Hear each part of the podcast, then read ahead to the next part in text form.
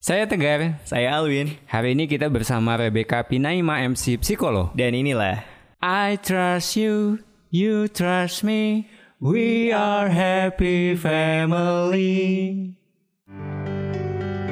manusia tidak mungkin menjadi manusia tanpa positive ada yang manusia adalah individu yang selfish. Aksara Podcast. Halo Men, hey. Kayaknya eh, untuk episode kali ini silakan dirimu aja ngebuka. Enggak, akang aja. Kok gitu sih? I trust you. Jangan terlalu gede trust sama orang. Ya gimana ya? Anaknya percayaan banget. Oh gitu ya. Nah tapi kayaknya ngomongin soal trust ya, Eh, eh. kayaknya itu bisa jadi satu isu deh. Iya, apalagi mungkin banyak orang juga ya, yang nggak gampang percaya sama orang lain, atau juga mungkin ada orang yang gampang banget percaya sama orang lain. Oke, dua-duanya kayaknya jadi masalah Ekstrim nantinya. kanan, ekstrim kiri. Yoi. Trust issue. Kayaknya itu jadi satu bahasan Bisa satu yang bahasanya mana nih, Jan? boleh lah ya kita hari ini kita ngebahas itu. Iya. Dan kayaknya kita udah kedatangan tamu nih kan. Oh gitu. Yang ahli di bidang relasi. Karena Oh, kalau kita oh, bicara tentang oh. trust, pasti tentang relasi dong. Yes, Hmm. betul. Itu pasti ada ada sangkut pautnya sama itu. Oke, siapa kan tamu kita hari ini? Coba diperkenalkan. Halo Mbak Becky. Halo, apa kabar? Siapa nih Mbak Becky ini kan? Mbak Becky ini masih dari timnya eh, Cinta, Cinta Stara. Cinta Setara, ya? betul. Seorang psikolog. Ya, seorang psikolog klinis dewasa. Mhm. Uh, saat ini sedang praktek di Pion Clinician, juga di Mutiara Edu Sensori, dan ya praktek mandiri sih basically. Selain di Cinta Setara ya. Oke. Dan fokusnya memang terkait dengan relasi. Oh iya, cinta-cintaan banget. Eh, ya. Oh, cinta-cintaan banget. Tapi bukan cinta monyet kayaknya. Bukan. Yang Bicara lebih tentang cinta tuh kayak trust banget kan. Karena Yes. cinta tanpa trust kayaknya sayur tanpa garam. Ah, Asik. Tapi eh, se- ngomongin soal trust Iya, dalam iya. sebuah Relasi.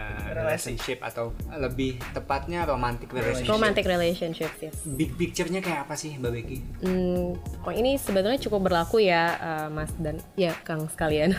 Kalau misalnya kita udah punya relationship, jangan lupa mulai dari diri sendiri. Jadi self, kemudian pasangan itu uh, akan menjadi partner kita, lalu relasinya itself. Jadi big picture kayak tiga itu deh, Nah, diri sendiri, pasangan kita dan hubungan itu sendiri. Oke, menarik kan. Jadi bicara tentang trust issue itu dalam romantic relationship sekalipun ada tiga hal berarti tadi ya. Berarti trust sama diri sendiri, Iya, trust itu sama juga perlu. pasangan, Dengan pasangan. baru dengan relasi. Lalu hubungan itu sendiri, Oke, betul.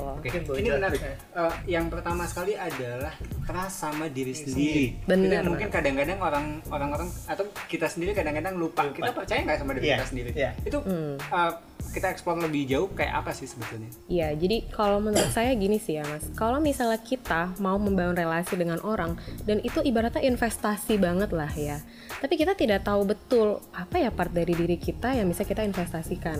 Lalu apa sih yang kita mau dari investasi ini? Itu kan akan balik lagi ke kebutuhan-kebutuhan kita yang jangan-jangan kita nggak tahu apa, apa yang mau kita sampaikan. Jadi terkait trust juga, ketika kita tidak percaya apa yang kita mau, apakah kita yakin kita betul-betul cari itu dalam sebuah hubungan? Kayak gitu loh. Kadang kita akan minta sesuatu sama seseorang dan setelah kita dapat itu eh kita nggak mau itu ternyata pernah nggak sih ngalamin Oke. hal-hal seperti itu jadi salah satu hal yang bisa membantu kita untuk setidaknya mantap dengan bagaimana kita membangun sebuah hubungan ya kita kenal diri kita banget kayak gitu sih Oke, hanya sekedar yang kita mau atau ada hal lain lagi soal trust kepada diri sendiri? nah itu kan hal-hal yang kita inginkan ya Iya. kalau bahasa Inggrisnya underlying needs gitu. Oke. Ada satu lagi nih yang juga perlu banget kita kenal, yaitu hal-hal yang kita khawatirkan, takutkan, underlying fear. Oke. Jadi perannya needs sama fear ini dua-duanya bisa sangat membentuk kita apa yang mau kita cari di hidup, baik di dalam relasi maupun dalam hal-hal lainnya. Tapi kan kita mau fokus ke romantic relationships. Ya kalau misalkan berkaca dari kenapa sih dari awal saya pingin gitu misalnya mengenal relasi itu yang baik seperti apa berarti kan ada kebutuhan untuk Iya. punya relasi yang baik Mhm. seperti itu sementara kalau misalkan punya perasaan-perasaan kenapa ya nggak nyaman kalau kita merasa ada orang menjaga jarak tiba-tiba Hmm. menjauh berarti ada rasa ketakutan ditinggal sama orang tanpa penjelasan Iya. underlying fear Under- jadi Oke. kurang lebih akan di antara rasa butuh sama ketakutan tadi Oke. Ini gitu tuh tak- takut menarik ya. Berarti artinya mengenali diri sendiri itu ya dari dua tadi. Yes. Kita mengenali kebutuhan kita apa, mengenali ketakutan kita apa. Oke, Oke. oke. Yang Apa kedua. yang ingin dihindari dan apa yang ingin dicapai gitu Betul. ya. Kurang lebih seperti Iya, itu. iya. Oke, itu soal uh, trust terhadap Trust. diri sendiri. Iya. yes Kita masuk ke yang kedua, uh, trust kepada terhadap pasangan. pasangan. Nah, kalau terhadap pasangan, ibaratnya kan kita akan mulai masuk nih ke hidup orang lain juga, sekaligus mengizinkan dia untuk masuk ke ke dalam kehidupan kita. Nah, biasanya sih, uh, kalau saya li- lihatnya setiap orang akan punya semacam kriteria yang mungkin entah dia pikirkan atau sudah dia tetapkan gitu ya, bahwa saya pingin membangun kedekatan dengan orang yang seperti ini, kayak gitu. Jadi karena tadi dia udah beres ya, dia udah tahu apa yang dia mau, apa yang dia takutkan, berarti ya dia akan cari orang yang seperti kebutuhan dia dan menghindar dari orang-orang yang dia takutkan. Oke, oke. Jadi gitu oke, tolak oke. ukurnya. Jadi uh, tolak ukurnya dari uh, Dari diri dulu, sendiri, baru kemudian ah. kita mencari Ya. kalau uh, Pasangan. istilah populernya kriteria uh, pasangan Jodoh yang, atau ah, kriteria gitu ya. pasangan bisa juga seperti itu. Tapi kan kadang ada gini loh mbak, dia yang nggak tahu kriterianya apa, Hmm. gitu loh. Kalau ditanya kriteriamu apa sih, nggak tahu. Kriteria apa? Ya kalau suka suka aja. Gitu. Iya, ada gimana? aja orang-orang Karena kayak belum gitu. bisa mengenal diri sendiri atau gimana? Nah, kadang gini sih, ketika pun kita udah tahu diri kita sampai seginilah lah, let's say dari 1 sampai 10 kita mengenal diri kita 7. Tapi setelah kita menjalani banyak sekali pengalaman hidup, ternyata kita eh ternyata aku suka ini juga gitu Iya, kan. iya. Dan itu menambah pemahaman kita mengenai diri diri Oke. sendiri kan. Nah, jadi setelah itu mulailah kita mengeksplor sebetulnya di luar sana apa saja sih hal-hal yang bisa saya toleransi atau sama sekali tidak. Nah, itu tuh akan melalui proses mengenal banyak sekali orang. Jadi kadang kita tidak hanya berhenti di romantic relationship, bahkan dari relasi dengan keluarga, relasi dengan teman atau ya rekan kerja gitu ya. Kita kan sudah bisa mengenal hal-hal yang kita inginkan dan tidak inginkan. Sampai akhirnya kita bilang, saya mau kalau dengan pasangan ini deh. Sudah dibuat seleksinya gitu loh. Karena pengennya yang dengan pasangan adalah relasi yang terbaik yang kita Iya. punya. Berarti kan kita mulai dengan teman terbaik kita, sosok di keluarga yang paling kita senang dan kita percaya, itu jadi tolok ukur nggak sih jadinya Iya. buat nentuin pasanganku yang ini ah seperti itu. Bisa kita bilang gini nggak sih, bahwa relasi itu jadi perjalanan untuk mengenal diri kita juga Wah sebenarnya. benar juga sih dipikir-pikir iya iya sangat sangat mengenal. Oke. Dan itu karena uh, si pasangan mungkin kasih feedback sama kita Hmm. dan kemudian menjadi tadi bahan evaluasi bahwa oh ternyata uh, gini oke, itu nggak oke, ini Betul. pengen saya hindari dan lain-lain gitu ya. Oke. Oke. Itu yang kedua. Yang kedua, yang ketiga adalah soal trust sama dengan the relationship relationship sendiri. itself. Jadi setelah sudah sampai ke diri, kemudian pada orang lain, kadang gini, there are two people who are perfect but not for each other. Bisa kan kayak gitu. Jadi jangan-jangan dinamika hubungannya yang setelah dijalani itu dijalankan, maaf, itu menjadi kurang fit atau kurang sehat kalau dibawa ke pernikahan. Karena sangat mungkin saja kita berpapasan dengan seseorang, kemudian orang itu setelah kita kenal, kita tidak sampai punya trust issues yang Oke, ti- kita tidak selesaikan trust issues dan tidak menemukan trust yang cukup untuk lanjut ke pernikahan. Oke. Aku punya statement sendiri soal itu. Oh, gimana Orang yang tuh, baik sama Kang? kamu belum tentu baik buat kamu. Oke. Orang yang baik sama kamu belum tentu baik buat kamu ya. yes, ya. Oke, eh, kita udah ngebahas tiga Tapi tapi gini kan, ada satu pertanyaan lagi nih. Hmm. Emang apa akibatnya sih ketika trust issue itu nggak selesai? Oh, Kita masih nggak trust. dampaknya Iya, gitu dampaknya. ya. Mm. Jadi adalah teori-teori mengenai attachment, yaitu kemelet- me- bagaimana kita dalam sebuah hubungan itu punya rasa dekat dan kemudian kita bisa bergantung juga misalnya pada hubungan itu. Kan yang diharapkan itu adalah yang secure. Ya. Ketika ada trust issues yang belum tuntas, hal pertama akan terasa itu pasti rasa insecure. Ya sebaliknya ada ketidakyakinan, keraguan atau bahkan sudah sampai ke tahap berasumsi-asumsi negatif Oke. terhadap diri maupun pihak Pasangan. lain gitu dan Oke. pasangan seperti Kayaknya itu. kita perlu mengeksplor itu di eh, sesi, Sesi. selanjutnya. Yes. Eh, soal kadar trust atau distrust yang kemudian mana yang masih boleh ditoleransi dan mana ya. Oke bisa. Lalu mungkin faktor-faktor apa aja sih yang menyebabkan Yes. trust issue ini pada akhirnya muncul? Betul. Oke, kita bahas Oke. di segmen berikutnya. Sip. Oke.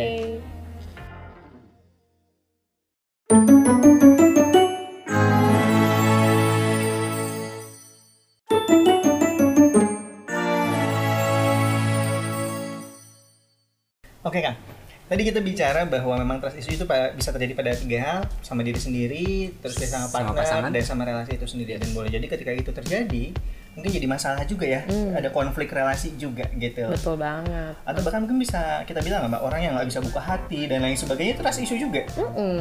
Oke. Pastinya, karena kan yang diharapkan itu adalah balance ya, Ya, balance. jangan ke ekstrim satu ru- gitu. Ya jadi banyak dampak, berarti kita harus tahu kan faktor apa aja sih. Betul, betul, betul.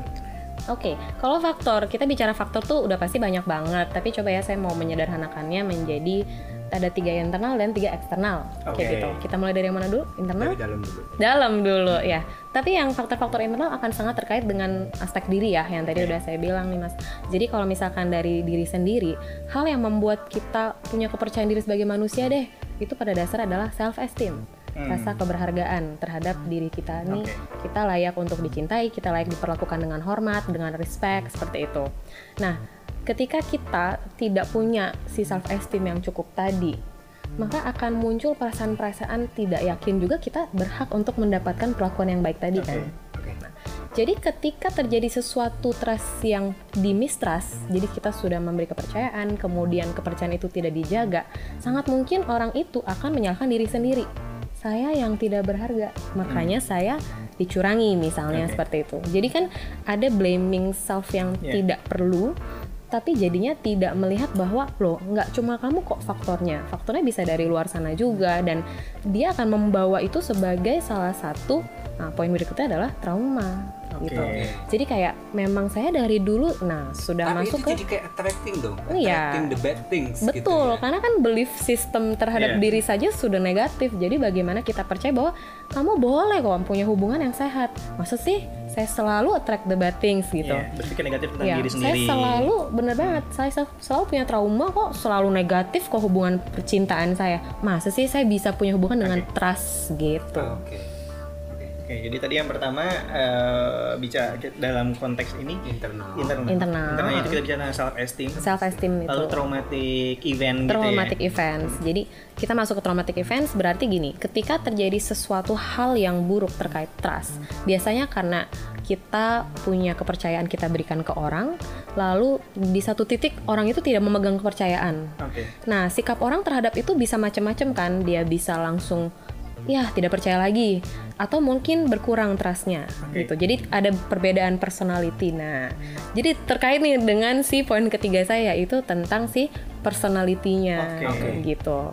Ini memang ya tiga ini nggak bisa lepas satu sama lain. Jadi saya akan langsung masuk ke poin ketiga. Ketika dia mungkin dari awal itu dia sudah melihat sosok-sosok yang ada di sekitar dia juga tipe yang susah percayaan, skeptis, Yeah. terus yang gampang asumsi-asumsi negatif atau kayak isu zone banget ya gitu. conclusion gitu Jump ya. conclusion itu akan sangat mudah menjadi part dari karakter dia. Nah, itu kan berarti eh, nggak bisa dipisahin antara si internal ini dengan kondisi-kondisi eksternal yang Betul membuat sih. internalnya jadi seperti tadi kan ya. Betul juga. Tapi kan ada satu titik ketika kita punya kemampuan untuk memilih kita Iya, mau iya, terpengaruh iya, iya, sama oke, yang oke. mana. Iya. Jadi kalau ditanya kenapa kamu milih terpengaruh buat uh, masalah-masalah trust ini, ya karena bisa jadi faktornya balik lagi kepada self esteem dia kurang. Gitu loh. Jadi kayak lingkaran yang saling Iya. bertumpang tindih juga sih aspek-aspek tadi. Oke, berarti tadi ada tiga self esteem, terus Ada, ada, trauma atau kejadian-kejadian tidak menyenangkan. Kemudian terakhir adalah si personality tadi. Oke, Gitu. itu dari sisi internal, internal. ya. Dari sisi eksternal Nah, kalau dari sisi eksternal itu kan berarti kita melihat hal-hal di luar hubungan uh, kita jadi dengan pasangan bisa uh, bisa jadi si pasangannya itu sendiri sih. Tapi bahkan ketika pasangan kita juga sudah punya rasa trust ke diri, kan ada dua orang yang sama-sama Ya, ya, trust kan. Tapi di luar pasangan dan di luar kita itu bisa ada faktor-faktor yang uh, kita tidak harapkan terjadi tapi terjadi dan itu mengganggu hubungan. Contohnya Nah, contohnya misalnya seperti ini. Kalau misalnya dengan pasangan kita sudah bisa komunikasi, kita sudah bisa merasa cukup nyaman dan secure, tetapi dia punya mantan dari selalunya yang belum beres nih isunya dan dia minta pertanggungjawaban kayak wow. tidak senang dengan kebahagiaan kita. itu drama banget ya. ya. Tapi itu sangat mungkin terjadi. Oh, iya. Jadi kalau misalnya ada isu unfinished business yang terjadi di luar hubungan Hmm. kita, tapi kita kena dampaknya, itu akan lama-lama menggerus trust. Gitu. Menggerus. Terutama ketika di dalam si hubungan pacaran itu itu nggak dibahas kayak "Ya iya. udahlah, cuma mantan yang entah dari zaman Oke. bahla gitu kan. Justru eh, hal-hal seperti itu tuh dia dari sebelum pernikahan harus sudah sudah Iya. aware saja kah atau memang harus sudah solve? Hmm, nah, sebenarnya menurut saya ini tahapan secara singkat saja ini kayak intermezzo sih. Kalau kita punya isu atau permasalahan di dalam hidup, sebetulnya ada nih uh, seperti tahapan bagaimana kita mau menyikapi isu dan permasalahan tersebut. Yang pertama itu adalah aware, aware atau menyadari dulu masalahnya apa ya terasa seperti ada gejala-gejala hidup tuh tidak enak kemudian rasa rasanya sih saya punya masalah ya baru sampai situ.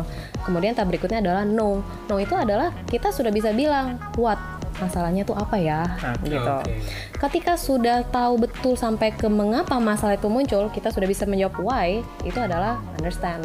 Kita sudah paham betul faktor mana di hidup kita yang mempengaruhi masalah itu terjadi saat ini. Hmm. Nah, tahap berikutnya itu adalah accept, yaitu menerima bahwa iya sih ini masalah saya, ini part dari hidup Iya, saya iya. gitu kan kadang kita nggak terima ya Iya. bahwa kita mengalami hal-hal yang tidak sesuai realitanya Iya. kita tidak mau.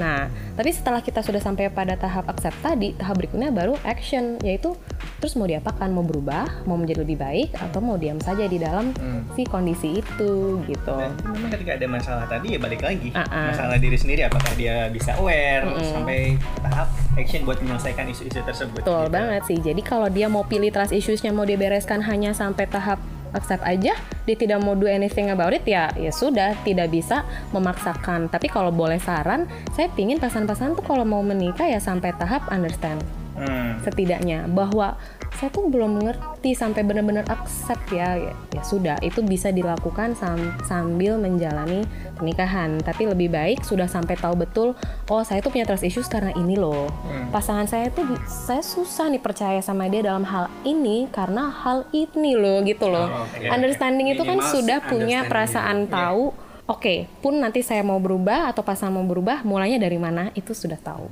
Oke, berarti Gitu. tadi faktor eksternal pertama itu ada unfinished business ya, Mbak ya. Yes, Bisa jadi mantan business. datang kembali atau masalah-masalah yang lalu datang kembali. Betul. Oke, mungkin yang kedua. Yang yang kemudian itu juga penting adalah faktor dari pengetahuan Hmm. tentang pasangan. Seberapa sih kita mengenal dia? Oke. Jangan-jangan selama ini pasangan kita hanya kita tahu di permukaan aja dan kita tidak cukup mau untuk masuk ke dalam mungkin masa lalu dia karena kita pikir ya udah what's past is past gitu kan. Hmm. Dan itu ser- sangat sering terjadi sih ketika orang merasa tidak siap untuk tahu apa yang ada di Iya, masa iya. lalu Ah, sebenarnya seseorang. kita harus tahu uh, Hmm. masa Masa lalu pasangan. pasangan, kita. Mm-mm.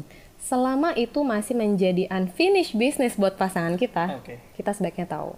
Karena gitu. Karena itu berarti masih terjadi, masih berlangsung isu-isunya dan pasangan. artinya masih mengancam masih hubungan. bisa mengancam dan berpengaruh terhadap kita sebagai orang yang baru masuk di hidupnya sekarang gitu kan. Oke. Tapi kalau dia merasa bahwa itu sudah clear, dia dia pingin punya waktu dengan dirinya untuk berdamai dengan itu, kadang kita tidak fair juga ya untuk ngorek-ngorek. Ya maksudnya butuh waktu lah setiap orang dan tidak ada sih sebetulnya tolak ukur yang cukup uh, baik ya kita mau sejauh mana masuk memang itu akhirnya harus disepakati bareng, Oke. disepakati bersama dengan pasangan. Ya, Oke, saya mau mengizinkan kamu masuk ke sini nih. Tapi ini saya tahu bahwa ada sesuatu, saya belum bisa cerita sekarang.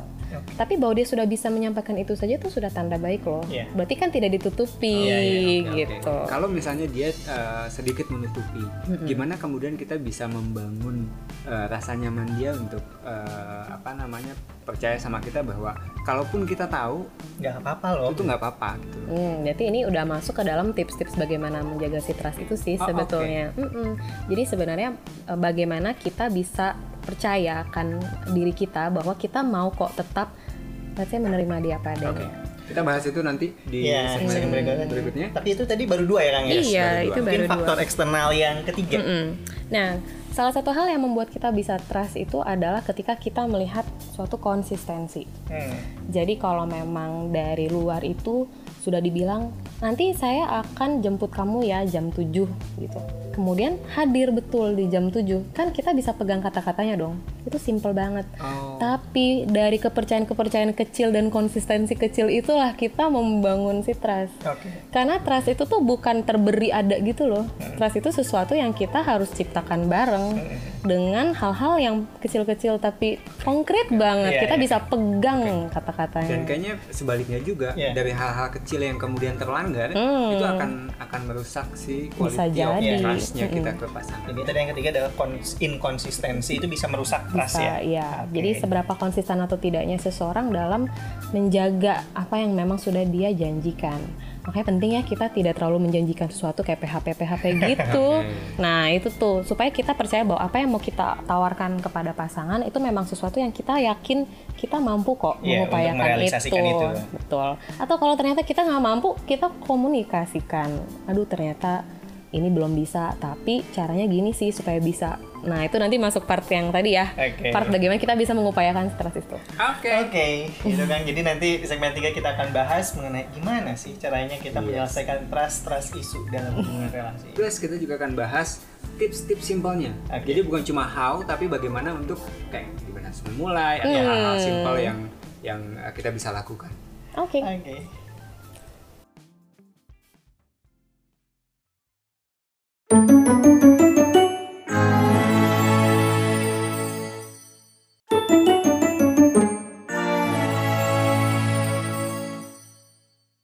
Oke kan, setelah tadi kita tahu faktornya ada internal dan ada eksternal, gimana cara kita menyelesaikan trust isu tersebut ya? Yes. Iya, betul. Dan bukan cuma menyelesaikannya tetapi mungkin pertama banget Iya, bagaimana kemudian berdamai baru kemudian menyelesaikan. iya, iya. Gimana ya Mbak Becky? Oke, jadi sama sih logikanya. Kita mulai dari diri sendiri juga kan. Jadi pahami dulu. Knowing sampai understanding itu penting banget. Kita harus tahu apa sih hal-hal yang kira-kira belum beres, belum tuntas nih dari masa lalu kita. Yang apalagi terkait dengan romantic relationship. Jadi kalau mau cari aja dari relasi yang ada di hubungan-hubungan yang ada saat ini. Ada nggak ya masalah-masalah re- relasi yang kayaknya terjadi terus-terusan? Cari tahu akar masalahnya apa.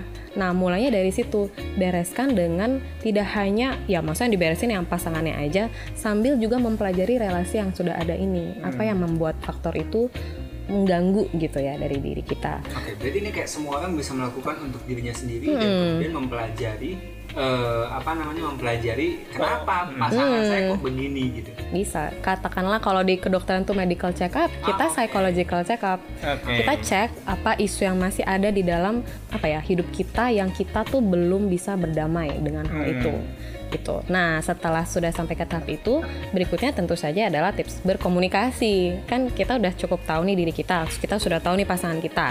Tapi kan untuk menjembatani pengetahuan kita tentang kita ke dia, kemudian bagaimana kita mau tahu tentang dia, ibaratnya menyampaikan ekspektasi itu aja butuh teknik loh untuk Iya. menyampaikan aku tuh maunya ini bukan itu tapi kita tidak bisa menyampaikannya dengan clear gitu Oke, lagi-lagi ini masalah komunikasi, Komunikasi. berperan Yes. dalam menyelesaikan isu ini ya. Mm-mm. dan ketika berkomunikasi mulailah dengan membahas saya pinginnya ini dan saya merasa ini jadi pakai iMessage namanya iMessage. jangan kayak kenapa kamu begini itu kan sudah menuduh dan Iya. itu sudah tidak membuka ruang komunikasi yang enak gitu loh. Ketimbang kita ngomongnya dengan yang saya sadar betul dari diri saya adalah saya merasa mungkin cemas kalau kamu sering banget nongkrong sama perempuan itu ya misalnya kayak gitu. Bukan kayak perempuan itu. Nah itu udah jangan kayak gitu ya komunikasinya. Oke, berarti lebih mengungkapkan faktanya dan rasanya ya. betul banget Mm-mm. Eh, dari iMessage tadi, tetap kan ada potensi di mana kita dapetin feedback baik yang positif maupun yang negatif. betul Eh, kemudian bagaimana kita mengolah iMessage-nya kita untuk bisa dapetin feedback yang memang eh, sesuai ekspektasi misalnya? nah itu adalah tips ketiga yaitu respect Respect. dan tidak menghakimi. Ah, oke. Kalau kita tidak, kalau kita respect seseorang, kita akan punya ruang untuk mendengarkan tanpa menghakimi orang tersebut. Oke. Jadi ibaratnya kayak kita punya baskom gede, kita tampung dulu aja. Pun kita tidak setuju, terus kita mau langsung bantah, kita beri ruang itu karena tujuannya kan kita mau punya kesepakatan atau Iya. kita mau berkompromi atau mau kolaborasi pikiran-pikiran kita. Itu semua butuh dengan tidak menangkis semua omongan yang datang dulu. Jadi Mbak kita Becky, terima dulu. baskomnya gede tapi penuh piye. Oh gitu mas, waduh waduh. Balik lagi Mungkin- ke yang tadi ya. Iya, jadi kalau memang kita sudah over capacity gitu kan, berarti kita jangan memaksakan diri ya buat menampung orang lain gitu kan. Kita cari tuh, kita kenapa sih kita kita Beresin beresin, dulu dulu, Oke. kita tuang ke botol-botol yang lebih kecil, kayak gitu. Ya maksudnya cerita sama orang lain dulu Iya, lah iya. ya. Kalau kita mau dengar pendapat orang, kita sudah siapkan ruang untuk apa pun yang kamu bilang.